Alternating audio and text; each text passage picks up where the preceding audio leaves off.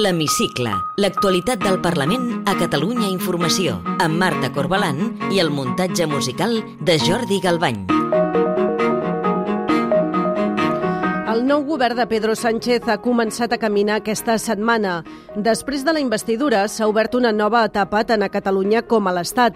En només sis anys, l'independentisme ha passat de proclamar la independència de manera unilateral a investir un president espanyol i asseure's a negociar a la mateixa taula.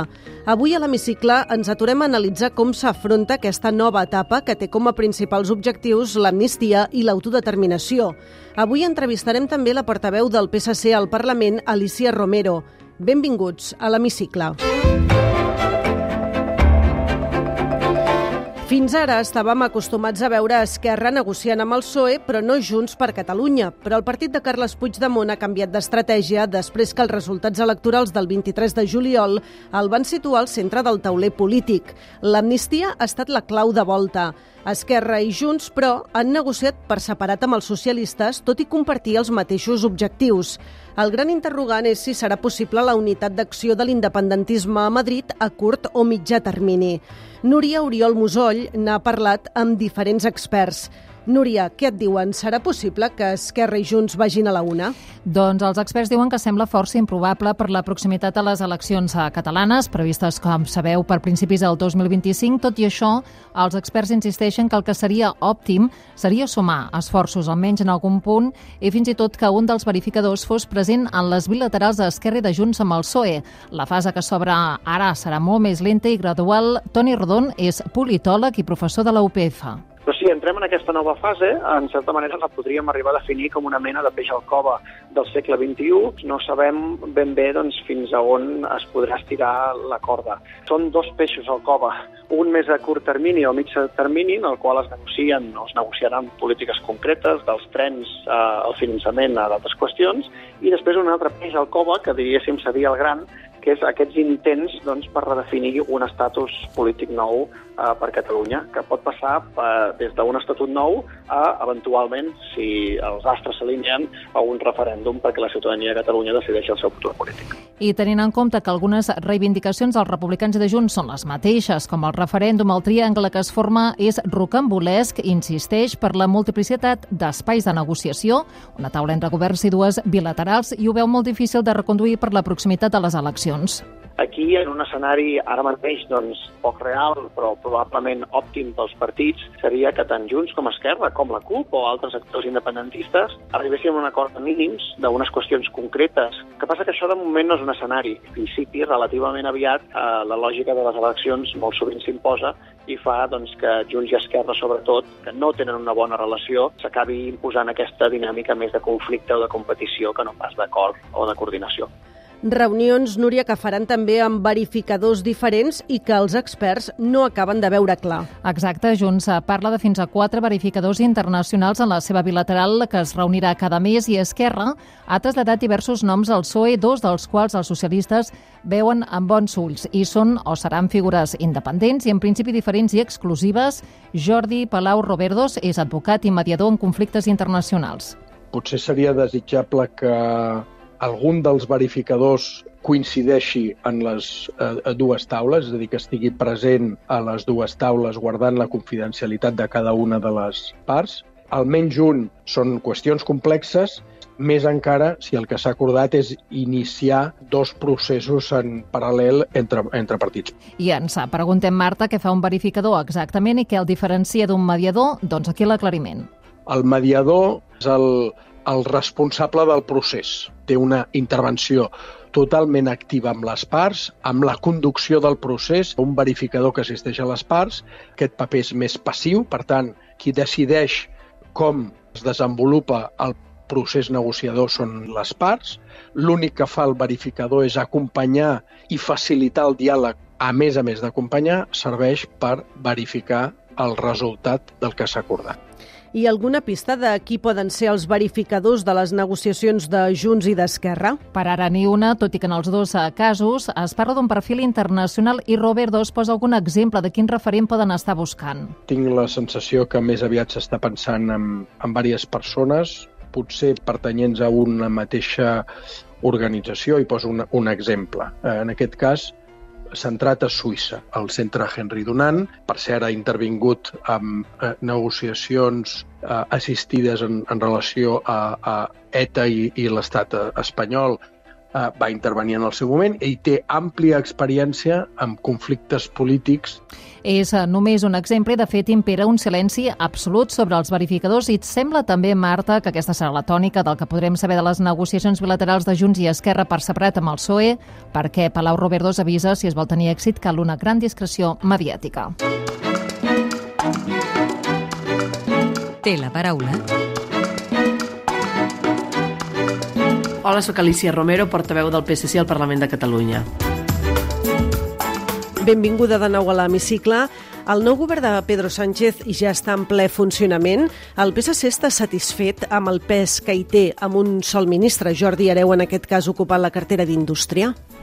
Sí, el PSC està satisfet amb que hi hagi un govern progressista i d'esquerres que continuï amb els avenços socials i, i econòmics. Estem contents d'haver frenat a l'extrema dreta i la dreta. No ho han fet altres, altres països. Ara hem vist com les eleccions als Països Baixos ha guanyat la ultradreta. Per tant, estem molt satisfets. Pedro Sánchez ha configurat, doncs, evidentment, el, el Consell de Ministres que, que ha considerat ha pensat en Jordi Hereu per portar aquesta cartera d'Indústria, Comerç i Turisme, que és molt important per Catalunya perquè som una, una regió industrial, una potència industrial i perquè més el comerç i el turisme aquí mm, vull dir que és molt rellevant, no? Som, a Barcelona és un dels primers destins turístics del món i per tant crec que és molt rellevant que una persona com ell, que va ser alcalde de Barcelona no? i que té molt coneixement, doncs eh, pugui, pugui estar en el, Consell de Ministres i després doncs evidentment s'hauran de veure doncs, tot aquest, aquest sotogoverno no? que es diu, que també ajuda molt moltíssim, però vaja, jo també m'agradaria dir una cosa amb això que se n'ha parlat molt aquests darrers dies, que és que el PSC està centrat en guanyar les eleccions a, a les properes eleccions autonòmiques i a governar Catalunya i per tant eh, nosaltres eh, ajudarem en tot el que puguem, evidentment, doncs a Pedro Sánchez a continuar amb aquest camí de l'avenç, però nosaltres estem ara també amb la prioritat de Catalunya i per tant tots molt centrats a, en aquí. Esquerra i Junts han repetit diverses vegades que l'amnistia no és el punt i final, sinó el punt de partida cap a l'autodeterminació. Això com encaixa amb el posicionament del PSOE, que aposta per un ple desplegament de l'Estatut del 2006? Bé, tothom pot defensar les seves posicions, només faltaria, i Junts i Esquerra defensen l'autodeterminació. És sabut eh, i conegut que el PSC no ho defensa. Nosaltres estem perquè es desplegui tot l'Estatut. Vull posar un exemple. L'article 204 de l'Estatut de Catalunya diu que s'ha de crear un consorci tributari, no? Gestio, o que gestiona els tributs entre l'Estat i la Generalitat. Això no s'ha posat en marxa des de l'aprovació de l'Estatut. És a dir, hi ha això i moltes altres coses per desplegar. Nosaltres estem per reforçar el nostre autogovern, respectar la nostra llengua, la nostra cultura, potser millorant amb algunes competències, com es farà en el cas de, de Rodalies, no? amb, el traspàs, eh, amb un traspàs més ambiciós, però hi ha moltes coses a desplegar i nosaltres estem en aquest camí i, i veurem, doncs, evidentment, amb, amb les negociacions com s'avança, però aquesta és la nostra posició. Nosaltres també creiem eh, que els ciutadans el que volen és que pensem amb els seus problemes, amb els problemes que tenen avui en dia. Ho diu també una mica el CEU que comentàvem abans, no? que al final eh, els ciutadans també, quan marca les seves prioritats, aquesta no hi és i nosaltres creiem que propostes que divideixen no és el que necessiten en aquests moments els ciutadans, no? i per tant nosaltres defensarem aquest camí i, i si un dia ens donen la confiança per governar, doncs això és el que farem. Diu que hi ha punts de l'Estatut que no s'han desplegat, com la creació d'aquest òrgan tributari, precisament parlant de finançament. Esquerra i Junts el que defensen és un model de finançament singular per a Catalunya que li permeti recaptar i gestionar el 100% dels impostos. El PSC està d'acord amb aquest model de finançament singular? No, no estem d'acord. Eh, primer perquè eh, ja els hi diria a Junts i Esquerra que eh, estem a la Unió Europea i som solidaris eh, dins la Unió Europea amb territoris més febles, com poden ser els països de l'est, i perquè no hem de ser solidaris amb territoris dins Espanya que també tenen dificultats, no? o que són eh, doncs, amb rendes per càpita més baixes, perquè hem de ser solidaris amb uns i no amb uns altres. Nosaltres creiem que no ha de tenir Catalunya eh, un règim singular, eh, nosaltres creiem que Catalunya ha de liderar el, la reforma del sistema de finançament autonòmic, que està caducat des del 2014, perquè, òbviament, Catalunya rebi més recursos i també altres comunitats que han estat infrafinançades o que no han rebut el finançament necessari per poder desenvolupar totes les seves potencialitats i, per tant, en aquí estem. I el que ens agradaria és que aquest govern comencés a treballar amb aquesta reforma no? i pogués liderar els canvis que necessita eh, el sistema de finançament autonòmic, però no creiem que Catalunya doncs, hagi tenir aquesta singularitat que vol dir el que jo genero, jo ho recapto jo i m'ho reparteixo jo. Crec que també hem de ser solidaris. Si tenim un país molt desigual, un territori a Espanya molt desigual, tampoc li anirà bé a Catalunya i per tant crec que, que aquest element de solidaritat, d'equitat, ha d'existir i és el que nosaltres defensarem. Per tant, defensaran que Catalunya lideri aquesta reforma del model de finançament i que sigui eh, un model, aquesta reforma, igual per a totes les comunitats. No, igual per a totes les comunitats no, però evidentment ha de ser un, un sistema de finançament just, ha de ser equitatiu i ha de ser més transparent que el que tenim ara. Tenim molts fons que, evidentment, a vegades fan complicada la gestió d'aquest sistema, però creiem que no ha de tenir Catalunya una singularitat en la que, eh, en fi, siguem, no siguem solidaris no? amb, amb els territoris que tenim, amb qui compartim moltíssimes coses. Després del pacte entre Junts i el PSOE per la investidura, creu que ara seran més fàcils els acords entre els socialistes i el partit de Puigdemont a tots els nivells? Ja sé que aquí al Parlament, en molts temes sectorials, eh, es posen d'acord. Sí, això anava a dir que nosaltres, eh, després d'aquell cordó sanitari que ens van fer abans de les eleccions autonòmiques, doncs eh, hem pactat amb tothom i pactem també amb Junts per Catalunya i tenim una relació cordial i crec que en molts temes que coincidim votem conjuntament sense cap problema.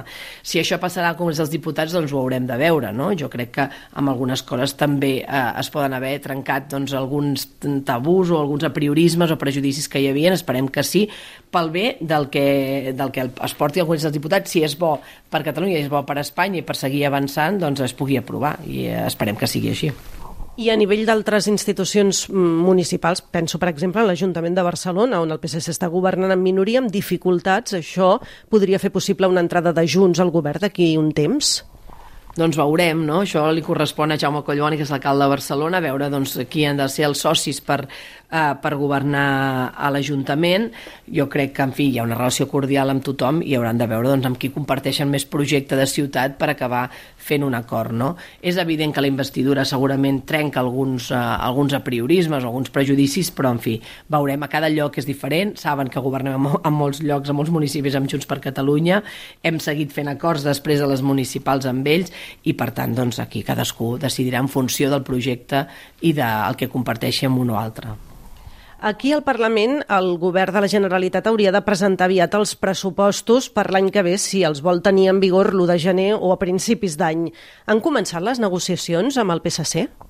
No, les negociacions per l'any 2024 no han començat. Nosaltres els hi vam dir ara fa uns 15 dies que només parlaríem del 2024 si teníem tancat el seguiment del 23 i s'havien complert una gran majoria de les nostres mesures, que eren 282, i sobretot algunes que per nosaltres eren molt rellevants, i no, en fi, no, no desvelo res, com és la, el conveni signat a la B40 per iniciar aquestes obres al tram nord entre Sabadell i Terrassa, i l'aprovació del Pla Director Urbanístic de Hard Rock, no? és a dir, del Centre Recreatiu i Turístic de Vilaseca i Salou.